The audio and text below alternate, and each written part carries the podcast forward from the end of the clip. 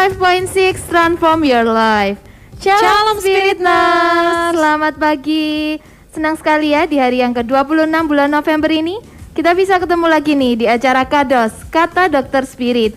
Dan hari ini bersama Sally Cynthia, Dan Andre, akan menemani Spirit Nurse selama satu jam ke depan sampai jam setengah sembilan nanti. Oke deh, hari ini kita ada dokter cantik nih yang Iya. kurang lebih mungkin hampir satu tahun ya kita nggak ketemu nih. Iya. Akhirnya bisa bertemu lagi dengan Shalom, Dok. Dokter Ratna. Shalom, shalom. Bisa sapa-sapa dulu dok untuk Spirit Nurse-nya. Shalom Spirit Nurse. Oke deh. Gimana dokter kabarnya? Baik, baik, luar Luar biasa. biasa, puji Puji Tuhan. Tuhan. Oke Semuanya deh. sehat ya di sana ya? Ya, di sini juga sehat. Dokter hari ini kita mau bahas apa nih? Kayaknya agak susah diucapkan. Masa susah? Ini Ya. namanya GERD. GERD. GERD. Itu mungkin Jadi- singkatan ya? Kenapa? Singkatan ya dokter? Tingkatan. Ya, singkatan dari apa gitu? Oh ya, singkatan. Kepanjangannya gastroesophageal refluxosis. Ya, panjang banget dok. Panjang ya? Iya. Nah, makanya disingkat gitu. Ini adalah GERD. Ya, mungkin Spirit Nurse sudah pernah mendengar atau belum ya? Kita akan mendengarkan nanti dari Dokter Ratna. Dan kita tetap mengundang Spirit Nurse untuk bergabung yang mau bertanya-tanya. Ya gampang banget ya caranya Spirit Nurse di 0822 1000 2005. Jangan lupa format wajibnya nama spasi umur spasi L atau P beserta pertanyaannya. Kita juga punya IG, kalian juga bisa DM ya di sana. Dan Ya. juga yang mau bertanya live chat di sana di Spirit 95.6. Kita juga punya live streaming Spirit Nurse Betul. di spirittoc.com. Betul sekali dan juga bisa melalui aplikasi Radio Box ya. Dan langsung cari aja Spirit 95.6. Mm-mm. Oke deh, kita akan kembali lagi ya bersama Dokter Ratna nanti membahas apa sih sebenarnya GERD itu ya. Tapi setelah satu pujian berikut ini, jadi tetap di Spirit 95.6.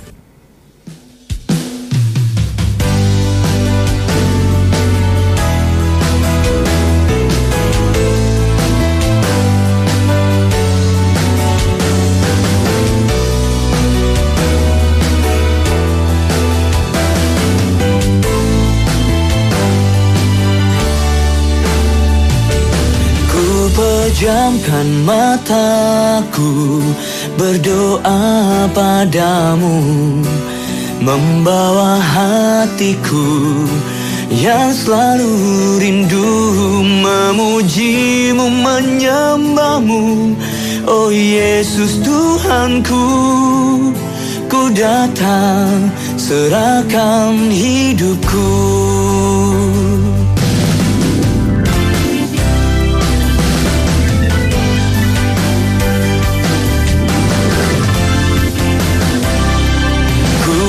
pejamkan mataku berdoa padamu Membawa hatiku yang selalu rindu memujimu menyembahmu. Oh Yesus Tuhanku Ku datang serahkan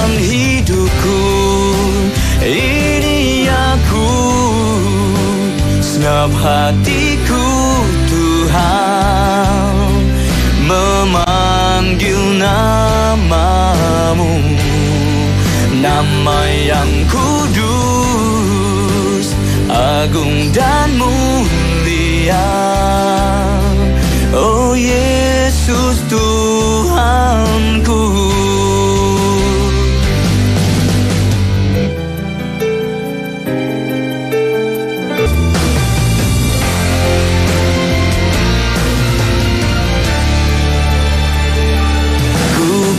pejamkan mataku berdoa padamu Membawa hatiku yang selalu rindu memujimu menyembahmu. Oh Yesus Tuhanku Ku datang serahkan hidup aku Senap hidupku serahkan padamu Jadikan ku bejana yang sempurna Untuk kemuliaan.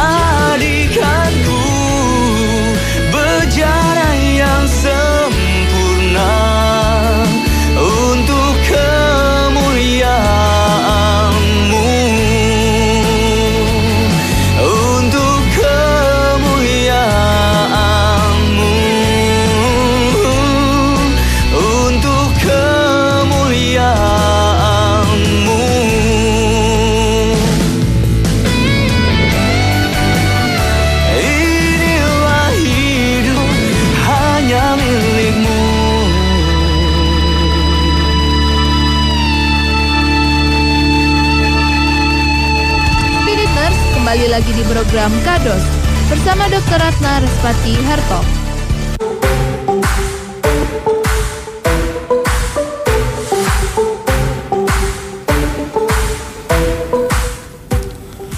Masih di Spirit 95.6 Transform Your Life dan kita masih di program Kados ya kata Dokter Spirit pagi hari ini bersama dengan Dokter Ratna dan kita akan membahas tentang GERD ya. Memang ini susah diucapkan ya. Iya. ya dan buat Nurse pagi ini eh, sambil nanti juga Dokter akan menjelaskan apa itu GERD ya dan eh, Spirit Nurse juga bisa bergabung untuk bertanya di WhatsApp di WA di 0822 1000 2005 dan juga Spirit Nurse bisa bergabung di IG ya. di Iya betul DM sekali. IG. juga di YouTube ya, ya live chatnya. Oke, dan kita akan langsung saja membahas untuk eh, tema kita pagi hari ini. Silakan Dokter Ratna. Iya. Temanya susah ya diucapkan ya. iya dok. Ya. Kepanjangannya gastroesophageal reflux disease. Jadi Ini artinya kepanjangannya ya. Eh, Jadi artinya ini seperti ini se- eh, sebuah penyakit kronis ya di saluran pencernaan di mana sesuai namanya gastro itu diambil dari gaster yang artinya lambung yang terjadi reflux atau kembalinya isi lambung ke dalam esofagus atau kerongkongan. Jadi di lambung itu ya itu ada namanya sphincter. Sphincter itu seperti eh, sebuah otot yang bisa menutup membuka gitu ya. Jadi Tuhan itu membuat menciptakan kita itu kalau makanan dari kerongkongan kan kita makan kan dari atas ya dari mulut masuk ke kerongkongan sampai akhirnya masuk ke lambung. Mm-mm. Nah, kalau sudah masuk ke lambung, itu biasanya sphincter itu akan menutup sehingga yang di lambung itu nggak bisa naik lagi ke atas, gitu. Nah, tapi ini penyakit ini itu membuat kondisi sehingga isi lambung itu bisa naik ke atas. Isinya lambung itu ya bisa gas, bisa eh, apa namanya asam lambung, bisa isi makanan juga yang naik ke atas gitu. Jadi karena ada cincinnya tadi tuh yang sphincternya tadi itu itu lemah sehingga dia itu waktu makanan masuk dia nggak nutup. Dia masih relax masih membuka gitu ya. Jadi makanan itu bisa kembali ke atas namanya reflux itu kembali ke atas gitu. Oke. nah itu tadi pengertiannya seperti itu. Penyebabnya sendiri kenapa biasanya? Nah seperti yang saya jelaskan tadi kalau katupnya itu atau ototnya melemah sehingga makanannya itu yang dari lambung naik ke kerongkongan. Nah ini lama-lama karena isi lambung selain makanan ada juga yang namanya asam lambung. Nah asam lambung ini yang agak berbahaya kalau naik ke kerongkongan terus-menerus karena di kerongkongan kita itu tidak ada lapisan pelindungnya. Kalau kita di dalam lambung itu kita ada lapisan pelindungnya. Jadi Tuhan itu luar biasa ya Iya. eh, asam lambung itu tempatnya ya di lambung karena itu lambung itu punya sebuah lapisan untuk melindungi dinding lambung dari asam lambung karena kita semua tahu sudah dengar di mana-mana bahwa asam lambung itu asamnya asam kuat. Jadi dia kalau letaknya nggak di lambung, dia naik ke kerongkongan, dia bisa namanya asam kuat itu dia bisa merusak dinding epitel sel epitelnya dari esofagus atau dari kerongkongan karena kerongkongan itu nggak punya lapisan pelindung gitu ya. Iya. Nah, itulah kenapa GERD ini biasanya sering juga orang bilang oh asam lambung saya naik gitu ya. Hmm, Jadi iya. orang bilang juga penyakit lambung Oke. gitu. Dan Cuman bedanya sama penyakit lambung biasa atau yang dibilang biasanya gastritis, bedanya kalau yang penyakit lambung itu kondisinya hanya di lambung. Kalau yang GERD ini kondisinya bisa naik ke atas gitu. dan kalau mungkin bedanya dengan mah itu seperti apa ya dokter? Kan mah juga penyakit lambung ya? Atau mirip? Iya, mah itu termasuk gastritis itu yang tadi saya bilang. Jadi dia yang sakit khusus di lambungnya.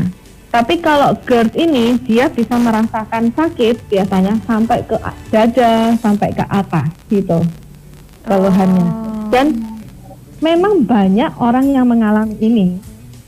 Biasanya ya kalau kita lagi makannya terlalu banyak, kerasa kayak ada makan kembali itu, Iya. Iya. Nah, itu juga bisa disebut dengan GERD. Terus kalau misalnya kita habis makan terus tidur, nanti tahu-tahu ada asam-asam ya di di tenggorokanku sini tahu-tahu gitu ya. Iya. Nah, itu juga termasuk GERD. Gitu. Tapi kalau misalnya tidak terlalu sering kambuh, biasanya masih dibilang wajar aja gitu, normal. Tapi kalau sering kambuh harus diterapi, harus pergi ke dokter untuk periksakan diri. Gitu. Dan ini biasanya yang mengalami bisa semua usia atau hanya orang dewasa aja dokter? Bisa semua usia. Anak-anak pun juga bisa ya kayak gitu dok? Bisa anak-anak bisa juga mengalami seperti itu. Mungkin faktor-faktornya itu apa saja ya, Dok? Faktor apa yang menyebabkan Iya. lemahnya ini ya? Sebetulnya sih masih belum diketahui penyebab utamanya apa. Cuman dari studi mengatakan kalau obesitas, kegemukan, overweight itu bisa menjadi faktor resiko.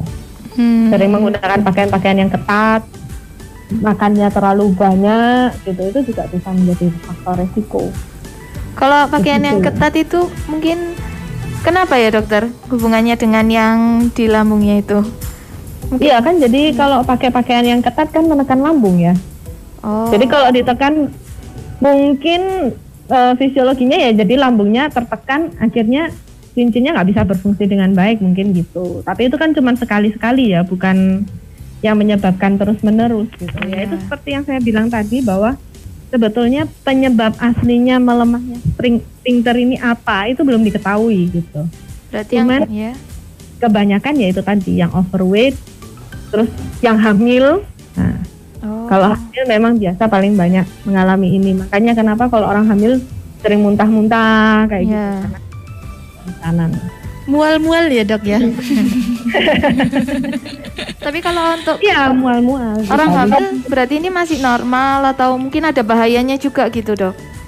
masih normal yang perlu diperhatikan sebenarnya pemeriksaannya nanti adalah ya dengan melihat apakah kerongkongannya baik-baik aja esofagusnya atau mulai teriritasi karena tadi saya bilang yang naik itu nggak cuma asam lambung ya Iya. tapi isi lambung nah isi lambung itu ada gas ada makanan kalau memang gas atau makanan kan nggak terlalu berbahaya Iya. yang terasa berbahaya nanti yang asam lambungnya itu gitu Itu bisa melukai teng ini ya, apa? Kerongkongan itu tadi ya, Dok? kalau asam lambungnya naik Iya. Tuh. Oh, sebenarnya dokter yang masih bingung itu antara gas dengan asam lambung itu. Kalau gas itu, kalau asam lambung mungkin cair atau kayak gas juga gitu dok? Karena oh enggak asam lambung itu cairan Oh, cairan Kalau gas gas itu enggak sendawa itu ya? kayak ya sendawa terus kalau di endoskopi dia bentuknya kayak berbusa gitu jadi kayak ada ya bentuknya ya udara ya gas Hmm. cuman karena kan asam lambung kan asam lambung cair terus iya. ada gasnya jadi dia bentuknya kayak bubble-bubble gitu kalau di Bubble-bubble. Heeh, jadi kayak kayak busa gitu loh, busa sabun itu ya, Iya. ada gelembung-gelembungnya. Nah, gitu. Jadi yang gelembung-gelembungnya itu ya anu gasnya. Kalau misalnya kita kalau kita yang merasakan itu apa bisa dibedakan ya dok? Rasanya itu gas yang naik atau asam lambung yang Oh, naik? bisa. Jadi ini nanti di gejalanya ya. Jadi gejalanya GERD itu yang paling sering dirasakan sama pasien biasanya adalah heartburn. Heartburn ini perasaan seperti terbakar atau kalau orang bilang biasanya kalau di Surabaya itu kayak krenyes gitu ya. Krenyes di bagian dada gitu. Rasanya kayak nyes nyes nyes gitu ya. Nah, itu itu biasanya karena asam lambung. Karena asam lambung seperti saya bilang tadi dia kan mengiritasi. Jadi Ya. terasa seperti ada yang membakar gitu di daerah kerongkongan. Biasanya di area dada, di area dada atau di sekitar tenggorokan. Kalau ada yang pernah ngerasain nggak? kayaknya Pernah sih dok, cuman Oh, Cynthia. itu pikirnya ya asam lambung aja, soalnya kan hampir-hampir mirip itu ya. Iya ya, memang itu asam asam lambung, memang betul. Enggak, Asam yang tadi lambung itu loh, naik yang- ke atas. Asam lambung yang naik ke atas karena asam lambung seperti saya tadi bilang posisinya tempatnya adalah di lambung. Jadi kalau di lambung itu berarti dia di agak di bawah, di ulu hati. Itu posisi lambung ya. Ulu Ya. hati sampai agak ke kiri. Tapi kalau dirasakan di daerah atas, berarti itu apa namanya GERD, masuk ke GERD karena asam lambungnya naik ke atas. gitu. Itu gejala yang paling sering dirasakan. Nah, yang kedua ada gejala yang lain adalah perasaan sulit menelan. Cuman ini agak jarang sih. Terus kemudian kembalinya makanan atau rasa pahit di tenggorokan atau terasa asam-asam. Ini juga sering dialami sama pasien. Ini Biasanya ya. setiap pagi saya tuh ngerasa kayak ada kayak yang asam-asam di mulut bikin naik ke atas gitu. Oke. Nah, itu itu GERD. Oke dokter, nanti kita, nanti kan ada faktor resikonya dulu ya dok. Kan pertama obesitas, yang kedua karena bisa karena kehamilan. Hmm. Nah, atau mungkin ada ada lagi dok. Tapi kita akan bahas setelah satu pujian berikut ini ya dok. Jadi Spirit Ya. Tetap di Spirit 95.6.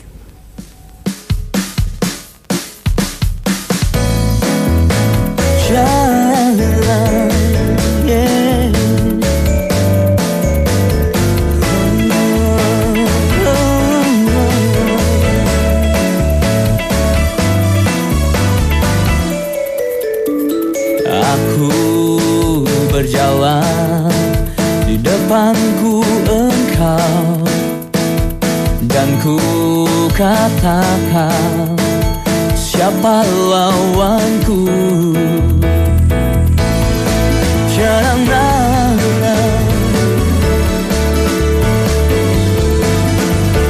Aku berlari Mengejar mimpiku. Dan kau nyatakan Kuasamu yang dahsyat Yesus perkasa kaulah Sang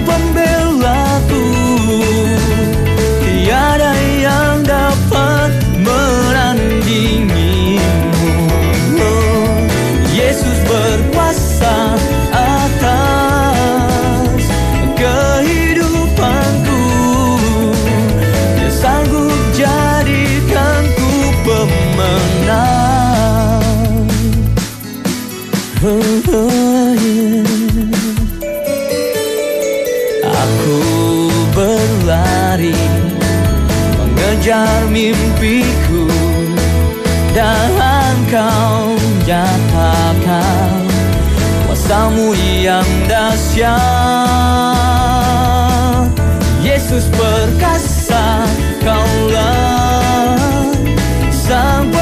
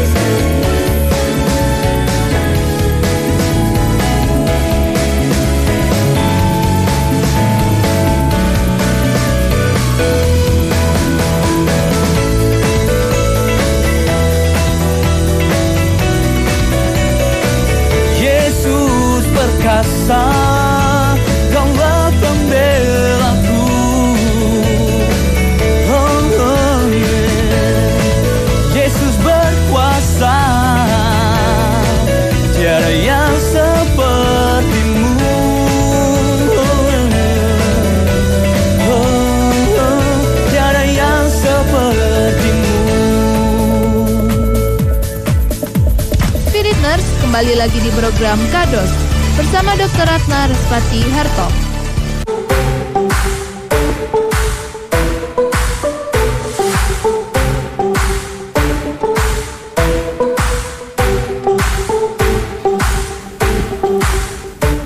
Spirit 95.6 masih di acara Kados, kata Dokter Spirit bersama Sally, Cynthia, Andre, dan juga Dokter Ratna. Ya, Kalau tadi kita sempat menyinggung sedikit ya tentang faktor resiko obesitas dan kehamilan, atau mungkin ada yang lain lagi dokter.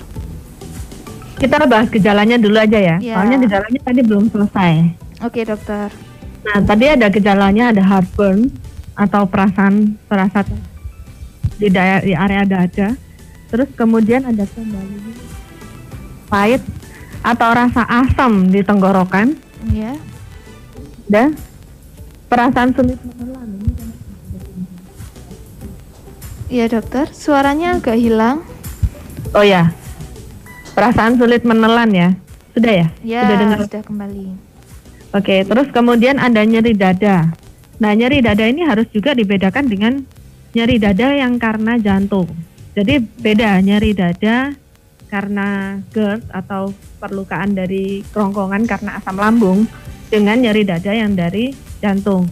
Caranya gimana? Biasanya dari gejalanya udah berbeda. Jadi kalau eh, nyeri dada dari GERD ini biasanya lokasinya terlokal terlokalisasi. Jadi ter jadi kalau misalnya kita tanya nyeri dadanya di mana itu pasiennya bisa nunjuk gitu. Oh di sebelah Iya. sini dok, oh di sini gitu. Kalau jantung biasanya nggak bisa ya. Cuman untuk pemeriksaan lebih detailnya biasanya supaya pasien juga lebih tenang ya kan kita juga sebagai eh, tenaga medis juga supaya lebih jelas tahu penyebabnya apakah benar dari GERD atau dari jantung gitu ya. Iya. Nah itu kita juga bisa lakukan rekam EKG atau rekam jantung untuk membedakannya. Kalau selama rekam jantung ternyata hasilnya normal aja, berarti kemungkinan besar yang menyebabkan nyeri dadanya adalah GERD. Nah terus eh, karena sering naik ke kerongkongan, biasanya ke kerongkongan di area tenggorokan itu pasti ada iritasi-iritasi kecil itu menyebabkan seringnya batuk kecil, batuk kering, sorry. Batuk kering. ini kering yang nggak sembuh-sembuh gitu ya. Nggak sembuh-sembuh ini lama batuk keringnya kronis gitu. Bisa jadi penyebabnya adalah GERD terus gejala yang lain lagi ada kadang ada dibarengin sama kerusakan gigi. Jadi tahu-tahu aku ini sikat gigi rajin ya kan? Ya. tapi kok gigiku ini kelihatannya kok tambah lama kok tambah kayak terkikis gitu, erosif gitu ya. Itu bisa jadi karena GERD, karena asam lambung yang naik itu bisa menyebabkan yaitu tadi yang kerusakan itu, kerusakan menyebabkan kerusakan-kerusakan karena asam lambungnya asam sekali gitu ya, asam sekat gitu. Nah, terus ada lagi sering sakit tenggorokan. Sering sakit tenggorokan ini sama seperti yang tadi saya bilang, asam lambungnya mengiritasi tenggorokan, jadi akhirnya sakit tenggorokan. Kalau di, kena di pita suara, jadinya suaranya sering serak kayak gitu. Oh. Nah, terus kemudian ada yang terakhir itu gangguan tidur. Gangguan tidur ini ya karena perasaan kayak naik ke atas, jadi akhirnya kan tidurnya terganggu karena poli- Ya. posisi tidur itu bisa memperparah biasanya gejalanya. Atau biasanya setelah sehabis makan juga bisa memperparah gejala ini. Jadi biasanya kadang-kadang orang dengan gejala GERD ini sering kali nafsu makannya juga menurun gitu. Nah, kalau mungkin setiap orang itu bisa gejalanya itu semuanya atau sat, hanya sakit tenggorokan aja atau hanya apa bisa apa aja bisa gitu salah ya? satu ber- bervariasi jadi nggak harus Oh. semua gejala ini muncul di satu orang nggak Oke. tuh Karena kalau dilihat gejalanya ini kayak kompleks ya, bisa di tenggorokan, bisa di gigi juga. Iya. Kayaknya nggak nggak nyangka kalau ternyata itu dari GERD-nya ya dokter. Oke deh. jadi ya. GERD ini kalau susah-susah ya ngomongnya Iya. GERD ini memang eh, setipe dengan penyakit lambung jadi satu tipe memang dengan penyakit lambung karena asal mulanya memang masalahnya ada di lambung gitu sama jadi sama cuman kalau mah gitu nggak sampai ke gigi gitu ya dok. Mungkin. Ya, jadi gini diagnosa mah sendiri itu ada macam-macam. Ada gastritis. Gastritis saya pernah dengar kayaknya pernah dibahas ya di kados ya sudahannya. Terus ada gastritis, ada GERD, ada lagi dispepsia gitu. Jadi ada diagnosa lain-lain sama kayak jantung, ada diagnosa serangan jantung, ada diagnosa yang eh, angina. Angina Ya. kan pernah juga ya dibahas di kados ya. Itu termasuk gejala penyakit jantung juga. Sama ini penyakit lambung juga, cuman yang ini diagnosanya GERD gitu. Oke. Kalau selanjutnya ini faktor-faktornya ya dokter. Ya, faktor resiko. Faktor resikonya yaitu tadi yang saya bilang paling banyak adalah obesitas, ke overweight ya atau kegemukan. Terus kehamilan, terus ada lagi merokok. Merokok merokok itu karena merokok itu kan sifatnya juga sama ya. Merokok itu apa? Nikotin itu merusak ya. Ya. Jadi nggak cuman gigi-gigi juga yang dirusak sama rokok, tapi juga yang bagian dalam juga karena kan dihisap ya. Jadi semuanya termasuk salah satunya ya sphincternya itu kemungkinan rusaknya ya karena rokok itu tadi. Terus sering minum alkohol, kopi. Ini kopi karena mengandung kafein kayak gitu ya. ya. Terus kemudian ada konsumsi obat-obat tertentu, misalnya seperti NSAID gitu ya. Anti nyeri anti nyeri seperti anti nyeri yang agak keras itu biasanya seperti asam mefenamat kayak gitu. Kalau konsumsi terus menerus itu juga nggak baik. Nah karena itu asam lambungnya menjadi naik. Nah mungkin asam lambung ini tadi yang bikin lemahnya sphincternya tadi itu. Kalau makan makanan pedas itu bisa mempengaruhi juga nggak dok? Bisa kalau misalnya punya mah tapi terus-terusan dikonsumsi terus ya bisa aja. Hmm. Karena ya asam lambung mungkin nanti jadi gini, kalau misalnya asam lambung itu diproduksi terlalu banyak terus menerus ya kan. Jadi pola makan yang salah dipertahankan terus menerus itu nanti lama-lama lapisan di lambung pun bisa menjadi tipis. Hmm. Nah, ketika lapisan di lambung menjadi tipis, asam lambung bisa melukai lambungnya sendiri. Gitu. Jadi ya tetap harus hati-hati. Nah, karena itu tadi, jadi bisa juga dia merusak dari sphincternya itu, makanya ototnya juga juga jadi lemah gitu ya. Oke. Dan berarti ini kalau mah itu bisa jadi GERD ya dokter? Mah bisa jadi GERD. Bisa ya. Bisa, bisa jadi GERD. Oke. Karena produksi asam lambung yang berlebih biasanya bisa juga naik ke atas asam lambungnya. Begitu. Oke. Dan faktornya mungkin ada lagi dokter atau hanya itu? Atau mungkin perokok pasif itu bisa juga atau enggak ya dok? Bisa, bisa juga. Tapi paling banyak sih biasanya perokok aktif. Yang aktif yang lebih sering ya dok? Yang aktif yang lebih sering. Karena yang aktif kan menggunakan mulut ya. Jadi Iya. masuk ke dalam sana, ke dalam mulutnya dia. Kalau kita kan hirup hirup rokok pasif lebih ke paru-paru efeknya. Dan biasanya kalau yang mulai datang ke dokter itu biasanya yang sampai sejauh mana gitu yang dirasain dok gejalanya? Biasanya yang paling sering karena sudah sering merasakan heartburn eh ya yang tadi yang nyeri dada yang terasa terbakar itu. Mm, Itu paling sering. Terus biasanya ada mual muntah, nggak nafsu makan gitu. Ya yang paling sering yang heartburn itu karena orang kan perasaan nggak nyaman ya kok ada nyes terus gitu, apalagi terus menerus gitu kan. Udah mulai kepikiran kenapa gitu. Sama nyeri dada biasanya. Karena nyeri dada biasanya pasien-pasien juga takut. Jangan-jangan aku kena jantung ini, makanya dia periksa. gitu. Nggak taunya lambungnya yang bermasalah ya dok. Iya, nggak taunya lambungnya bermasalah. Karena kan memang kita untuk kontrol asam lambung susah juga ya. Kadang-kadang kalau orang stres aja kepikiran juga asam lambungnya juga udah meningkat. Betul. gitu. Iya. Nah ini dok, kalau seumpamanya kata orang kan banyak ini. Kalau kamu merasa kayak gitu, ada yang ada yang panas dari dalam, Mm-mm. yang dari dada itu, mungkin kamu ken- masuk angin. Banyak ya. Iya. Soalnya kita kalau di kedokteran nggak ada diagnosa masuk angin. Jadi kalau kerasa apa? Tadi panas ya, Mm-mm. istilahnya. Kalau kerasa panas dadanya masuk angin. Kalau muntah-muntah juga dibilangnya masuk, Masuk angin. Jadi banyak. Cuman memang kebanyakan penyakit-penyakit lambung ini kalau orang biasanya pasien suka bilang itu ya masuk angin gitu loh. Hmm. Karena ya muntah-muntah, mual-mual, terus ada nyeri perut. Tapi kalau biasanya ada nyeri perut itu biasanya mereka anu sih, apa namanya sudah sadar sendiri gitu. Oh ini lambung dok gitu, udah tahu. Apalagi kalau yang udah langganan penyakit lambung ya, Iya. udah tahu gitu. Kalau ini lambung gitu. Nah tapi kalau yang masuk angin biasanya baru experience baru awal-awal biasanya. Oh iya ini kok aku ini tahu-tahu makan muntah, makan muntah, makan kembali lagi, naik lagi kayak gitu. Nah itu bisa dibilang ya memang lambung. Gitu. Kalau heartburn ya heartburn ya tadi itu berarti itu GERD gitu. Lambung Oke dok, ya. Eh, mau tanya nih ya, boleh ya? Ya, ya. Nah, eh, tadi kan dikatakan eh, orang datang itu karena sering merasakan gejala dari GERD itu tadi. Nah, yang mau saya tanyakan itu seberapa intens sih dok kita itu merasakan gejala itu dan akhirnya kita memutuskan untuk pergi ke dokter.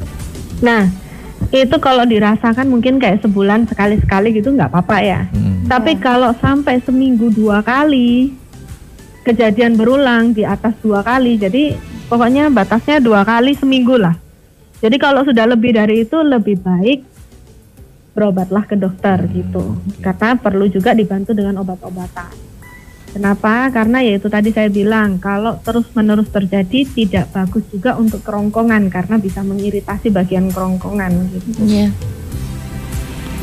Oke, nah tadi kita sudah bahas tentang GERD ya, gejalanya, faktornya, dan nanti kita akan sambung lagi untuk pembahasan kita tema kita pagi hari ini tentang GERD. Nah, uh, Spiritness uh, Andre pagi ini masih terus mengingatkan buat Spiritness yang ingin bergabung, yang mau bertanya, ya uh, bisa bergabung di WA di 0822 1000 2005 dengan format wajibnya nama, spasi umur, spasi kode atau P dan juga Spiritness bisa bergabung via DM ya, via IG uh, di DM dan juga di YouTube langsung di live chatnya.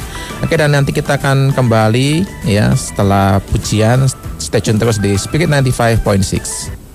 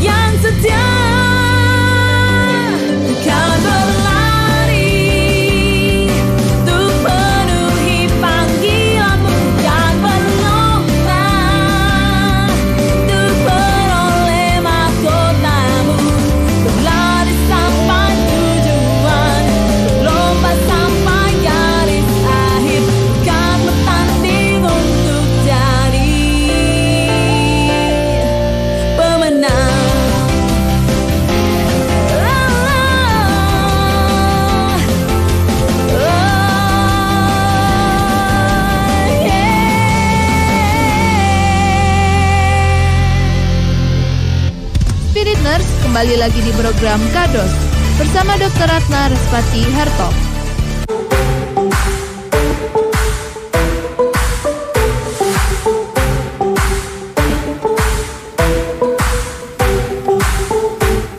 Spirit 95.6 masih di acara Kados Kata Dokter Spirit bersama Sally, Cynthia, Andre dan juga Dr. Ratna.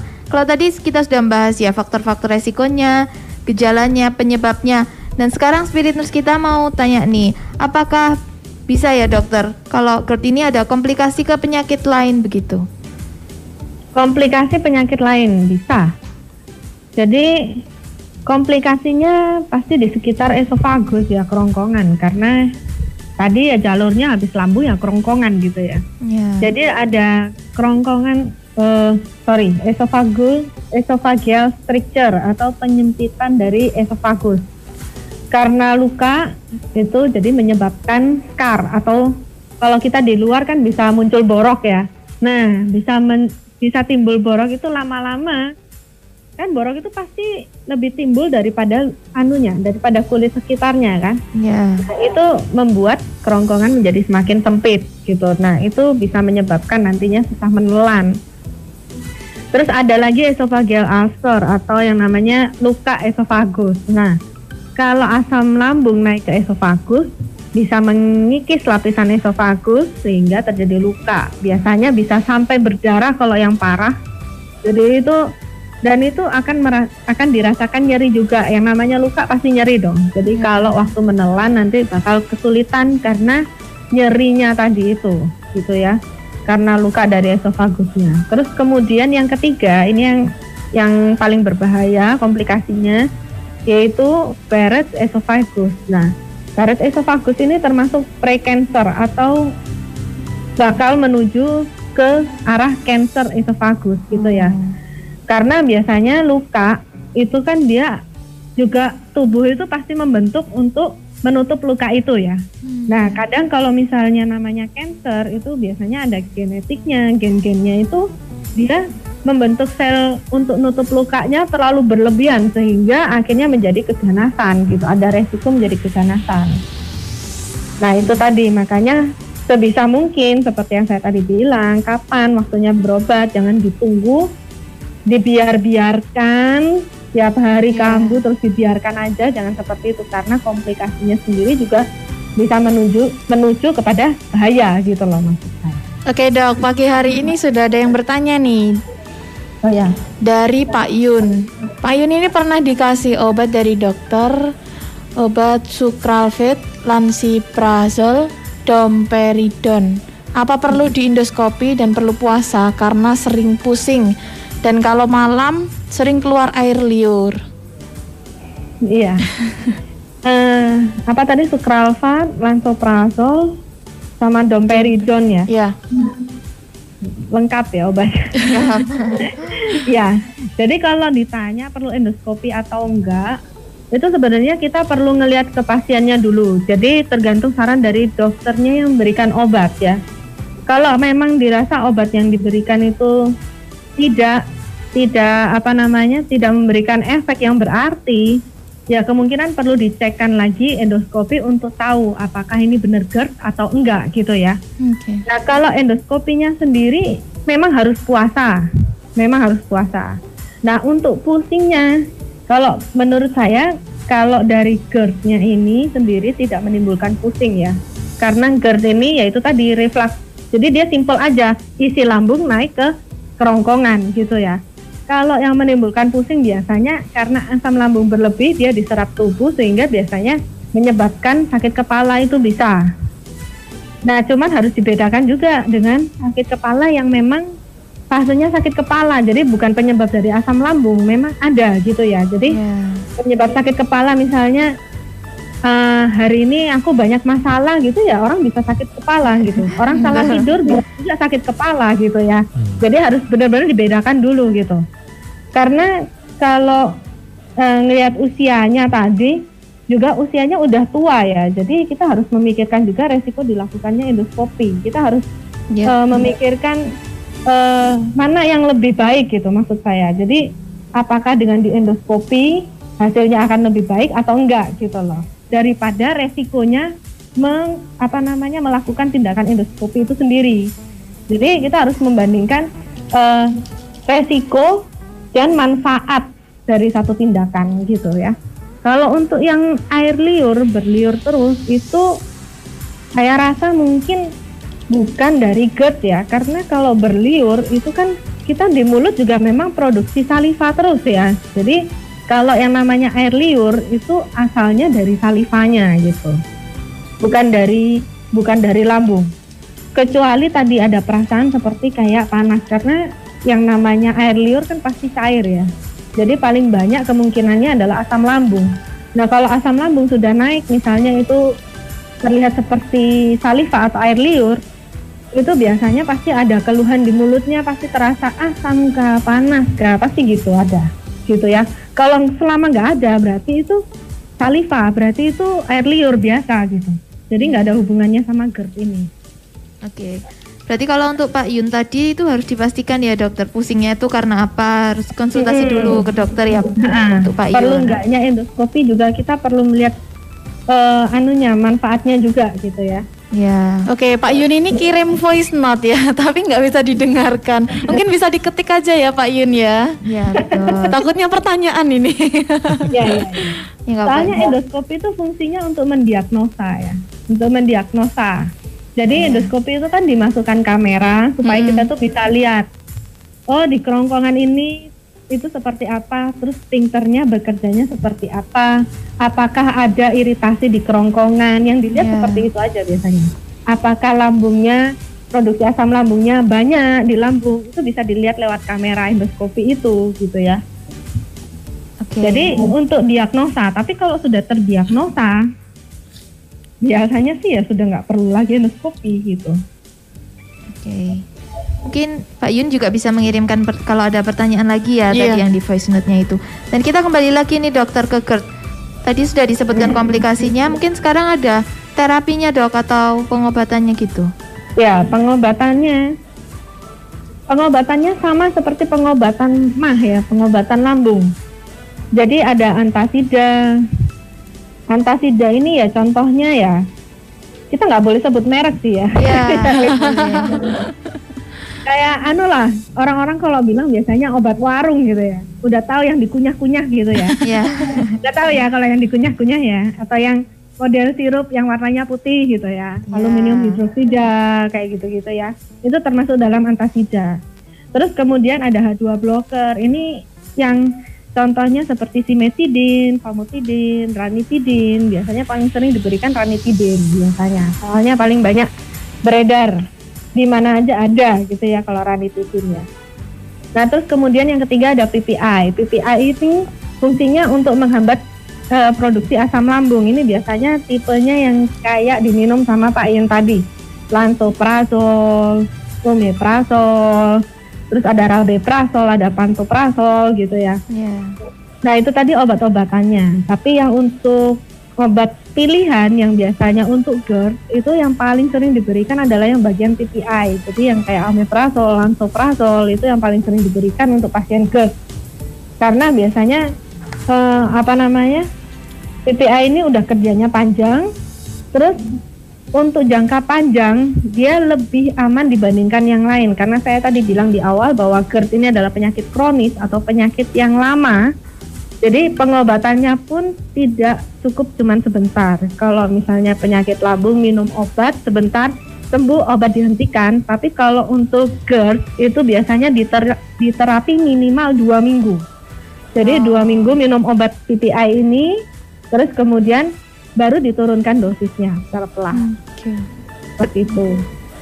Berarti terapinya ini dari eh, pengobatan PPI tadi itu dok.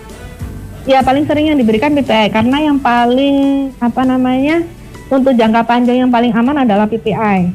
Cuman biasanya kalau terlalu parah Ya. diberikan PPI dicampur dengan eh, dikombinasi dengan H2 blocker atau yang kayak ranitidin bisa digabung seperti itu.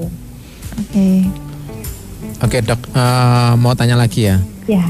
Tadi kan setelah kita diterapi minimal dua minggu, nah setelah dua minggu itu sembuh, apakah GERD ini bisa muncul lagi Bisa. atau bisa dok? gimana? bisa muncul lagi. Bisa muncul lagi ya. Bisa muncul lagi. Karena itu makanya pola makannya atau pola hidupnya Betul. juga harus dijaga supaya nggak sering kambuh. Biasanya selain dengan obat-obatan jadi PPI ini memang lebih aman dikonsumsi jangka panjang, lebih aman tapi bukan berarti dia aman banget ya. Jadi makanya itu sebetulnya eh, terapi dengan PPI pun tidak boleh sampai lama kayak satu tahun atau dua tahun gitu.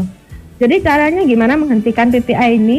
Pasien juga di diedukasi untuk gimana caranya mengubah pola makan yang salah atau pola hidup yang salah. Misalnya kayak tadi faktor resikonya eh, ada yang makan banyak di tengah malam, misalnya di atas jam 9 malam. Kan sering kali kita kalau makan malam jam 6 atau jam 7, jam 9 kayak lapar lagi ya. Ya. Lapar lagi, terus makan. Makannya banyak gitu. Nah, itu bisa memicu munculnya GERD ini gitu ya. Nah, itu juga harus diubah.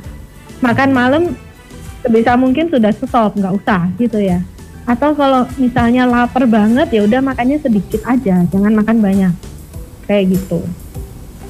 Jadi kita juga harus mengubah anu pola Pola makannya hidup ya, orang pola makan. pola Ya. hidupnya juga. Oke, nah itu tadi kita sudah bahas ya tentang eh, terapinya dan juga mungkin buat spiritness yang saat ini lagi mendengarkan ya mungkin juga ada pertanyaan yang bisa disampaikan yang bisa dibagikan pagi hari ini spirit bisa bergabung di WA di 0822 1000 2005 juga spiritness bisa bergabung via Instagram ya di DM juga di YouTube ya di live chatnya. Oke dan nanti kita akan kembali dan stay tune terus di Spirit 95.6.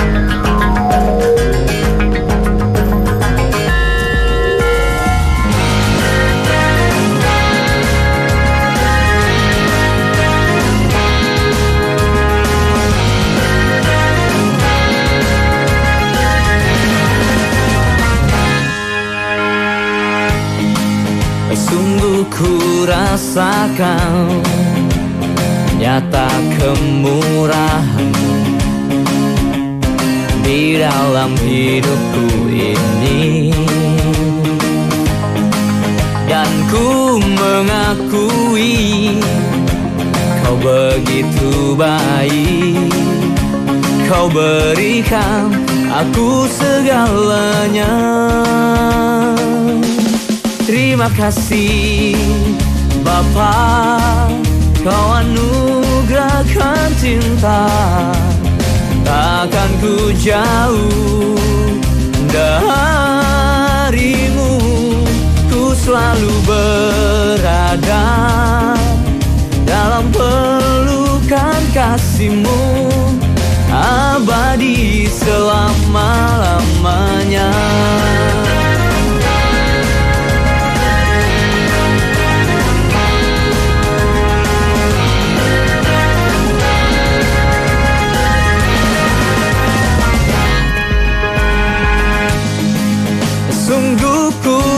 rasakan Nyata kemurahanmu Di dalam hidupku ini.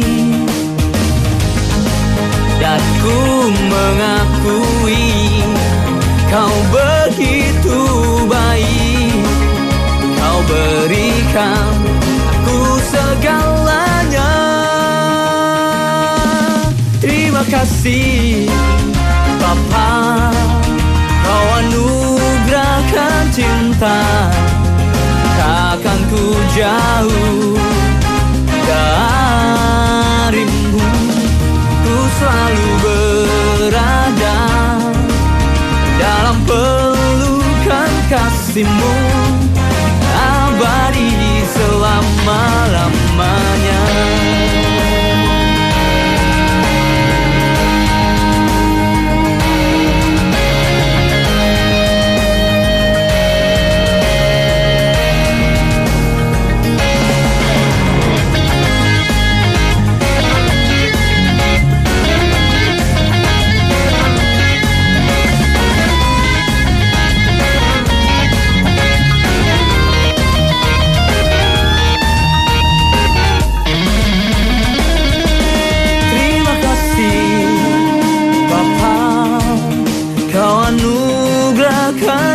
cinta Takkan ku jauh darimu.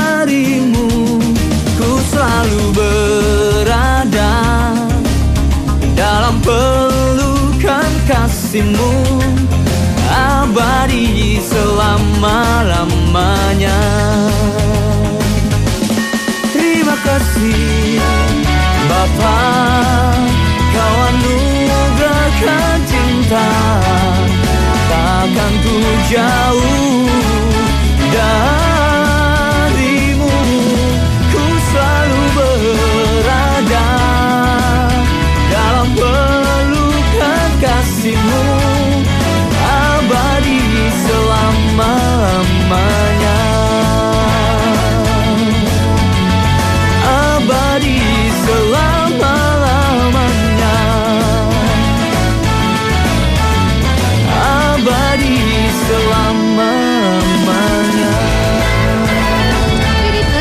kembali lagi di program Kados bersama Dr. Ratna Respati Harto.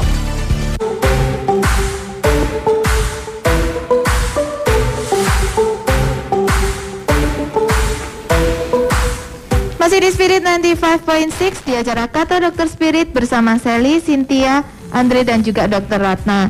Dan karena waktunya tinggal sedikit ya dokter, kita langsung masuk diagnosa nih dan tips-tipsnya.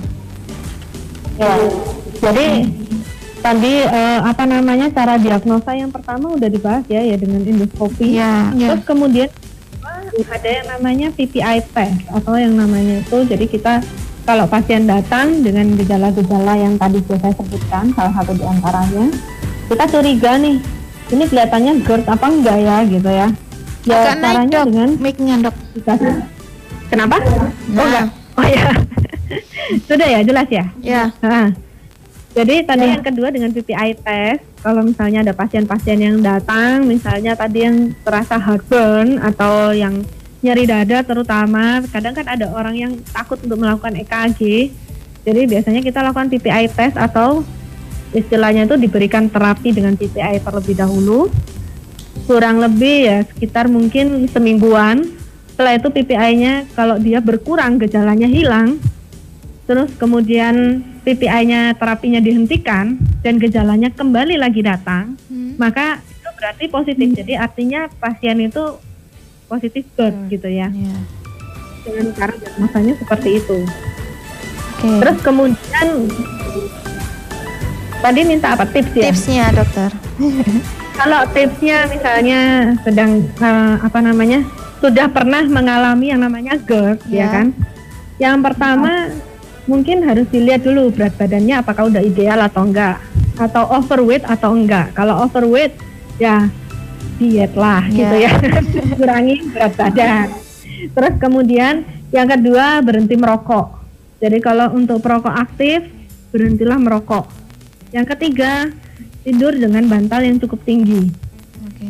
Jadi kalau lagi malam-malam biasanya sering kambuh gitu ya, kok ada yang naik perasaan kalau lagi tidur telentang, ya lebih baik bantalnya ditinggikan atau posisinya itu setengah tidur. Jadi eh, bagian kepalanya lebih tinggi gitu ya. Ya. Nah terus yang keempat ada eh, tidak langsung tidur setelah makan. Oke. Jadi setelah makan, makan banyak apalagi, terus kemudian langsung tiduran di kasur gitu ya. Jangan seperti itu karena nanti eh, namanya tubuh juga ada gravitasinya ya, jadi harus turun ke bawah gitu ya. Kalau Ya. kita kan makanannya jadi susah turun juga gitu ya. Ya. Itu salah satunya juga. Mungkin ada jangka waktu nggak dok? Setelah makan itu berapa menit atau berapa jam mungkin? Kurang lebih tiga jam. Oh, lama banget ya. Iya, kurang lebih tiga jam. Karena nunggu lambungnya proses turun ke bawahnya lagi juga. Oke. Iya dokter. Jadi lambung itu biasanya menghancurkan makanan butuh waktu kurang lebih 2 sampai 3 jam. Hmm. Oke. Gitu ya. Terus eh, hindari makanan atau minuman yang memicu asam lambung. Jadi makanan minuman yang bikin asam lambung produksinya semakin banyak. Itu Iya. seperti contohnya ya santan-santan, tomat atau yang asam-asam, jeruk juga termasuk asam ya kan? Iya. Terus makanan pedas, alkohol, soda-soda, kopi, teh karena mengandung eh, kafein. Jadi apa namanya bisa memicu asam lambungnya lebih banyak lagi. Ya. Terus coklat juga harus dihindari. Terus kemudian yang terakhir ya hindari memakai pakaian yang ketat gitu ya. Karena pakaian yang ketat kan meng, apa ya mengpress juga atau menekan Menekan. juga gitu ya. Jadi tingkatan juga akan susah turun juga gitu sama. Oke. Nah, itu pembahasan kita hari ini ya, Dokter. Dan karena waktunya ternyata sudah habis. Nah, kita mau terima kasih buat Dokter Ratna yang sudah membagikan ilmunya buat kita semua, buat Spirit Nurse juga yang ada di rumah dan pasti bermanfaat ya Spirit Nurse buat kita. Amin. Dan terima kasih juga untuk Pak Yun dan semua Spirit Nurse yang sudah Iya. bergabung dan mendengarkan siaran kita pagi hari ini. Dan kita mau pamit dulu dari studio Sally, Cynthia, Andre dan juga Oke. Dokter Ratna pamit. Kami mengucapkan Selamat beraktivitas dan Tuhan Yesus Tuhan Yesus memberkati.